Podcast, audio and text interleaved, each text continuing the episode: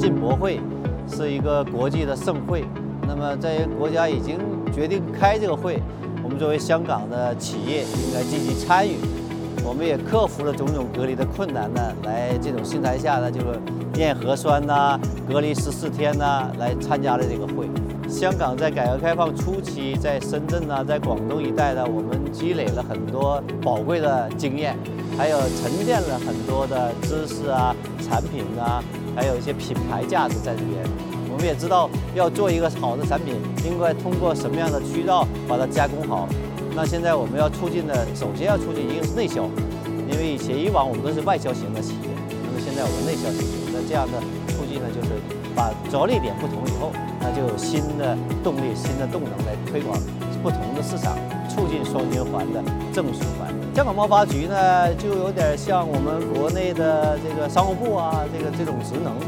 那么在也给中小企业带来了很多机会，比如这次的我们的展台。他们设计的很漂亮，也给我们这个呃介绍很多中小企业，国内的中小企业，国内的买家的客户。明天要约有十五到二十家的企业对接，是通过贸发局帮我们安排的，包括呃支持我们的有这个中国银行啊，还有中国工商银行来做这些事。所以我觉得他们给我们做了大量的工作。